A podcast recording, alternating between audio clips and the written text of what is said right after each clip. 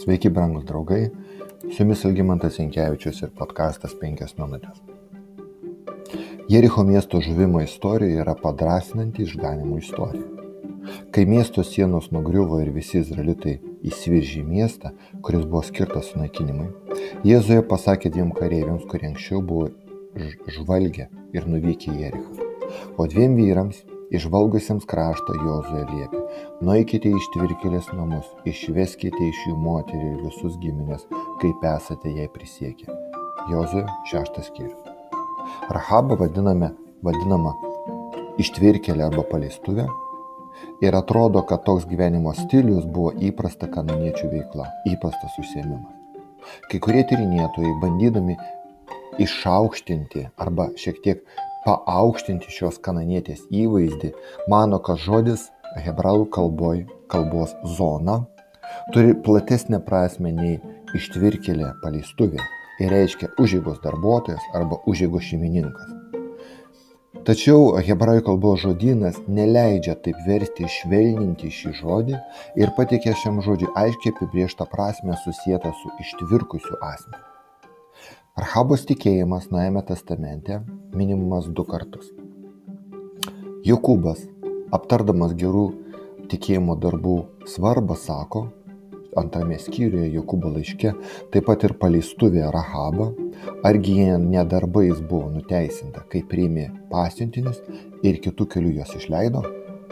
Jis nebando Rahabos praeities sušvelninti ar pateisinti, jis ją pateikė kaip pavyzdį kai tikėjimas skatina mūsų veiksmus, tikėjimas mus įkvėpia naujiems, geresniems veiksmams. Panašiai Paulius laiškė hebrajams pritarimai kalba apie jos tikėjimą. Dėl tikėjimo paleistuvė Rahaba nepražuvo kartu su neklusniaisiais, nes buvo taikingai priemusi žvalgus. 11 skyrius. Iš pirmo žvilgsnio gali atrodyti, kad Rahaba liktai nusiperka teisę gyventi, mainais į svetingumą ir išdavystę. Juk pas ją buvo atvykę du šnip, šnip, šnipai ir Jericho valdžios, a, jie buvo laikomi priešais.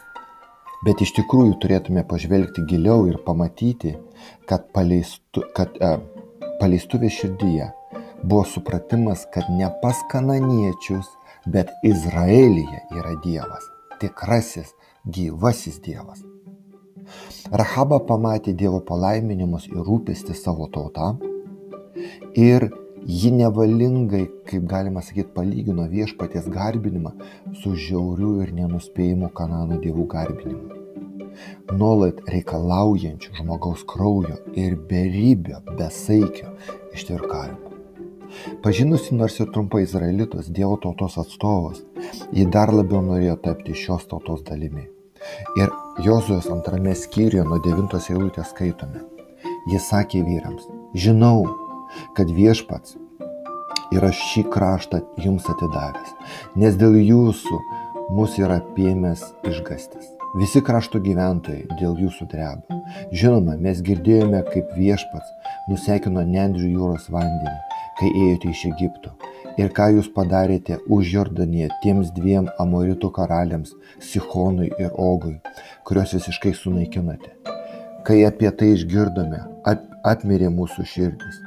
Dėl jūsų visi netekome žado, nes viešpats jūsų Dievas iš tikrųjų yra Dievas aukštai danguje ir čia žemėje. Tad prašyčiau prisiekti viešpačiu, kad maloniai elgsite su mano tėvo namais, nes aš su jumis maloniai pasielgiau. Duokite man tikrą ženklą, kad paliksite gyvus mano tėvą ir motiną, brolius ir seseris, bei visus giminės ir išgelbėsite mūsų gyvastį nuo mirties. Nežinia, kaip Rahaba sužinojo apie tikrąjį Dievą, bet jinai ne viena apie tai girdėjo. Bet jį jomi Dievu patikėjo. Atsidavusi savo gyvybę Dievui, ji gavo patikinimą, kad busimame Jericho sunaikinime ji bus išgelbėta ir ne tik ji. Bus išgelbėti tie, kurie bus Rahabos namuose. Brangus draugai, Rahabas ir jo šeimos išgelbimo istorija yra iš tikrųjų Evangelija, evangeroji naujiena Senajame testamente. Ir reikia pastebėti, kad ji nėra vienintelė. Ji yra įvaizdis mums, istorija mums, žmonėms gyvenantiems pabaigos laikais. Artėja Dievo nuosprendžio metas. Tačiau išganimo duris, kurias mums atvėrė ne bet kas, o Jėzus Kristus, vis dar atviros. Nešvaistykime laiko ir nedvėjokime kelyje į Dievo karalystę. Su jumis buvo penkios minutės ir Elgimantas Inkevičius.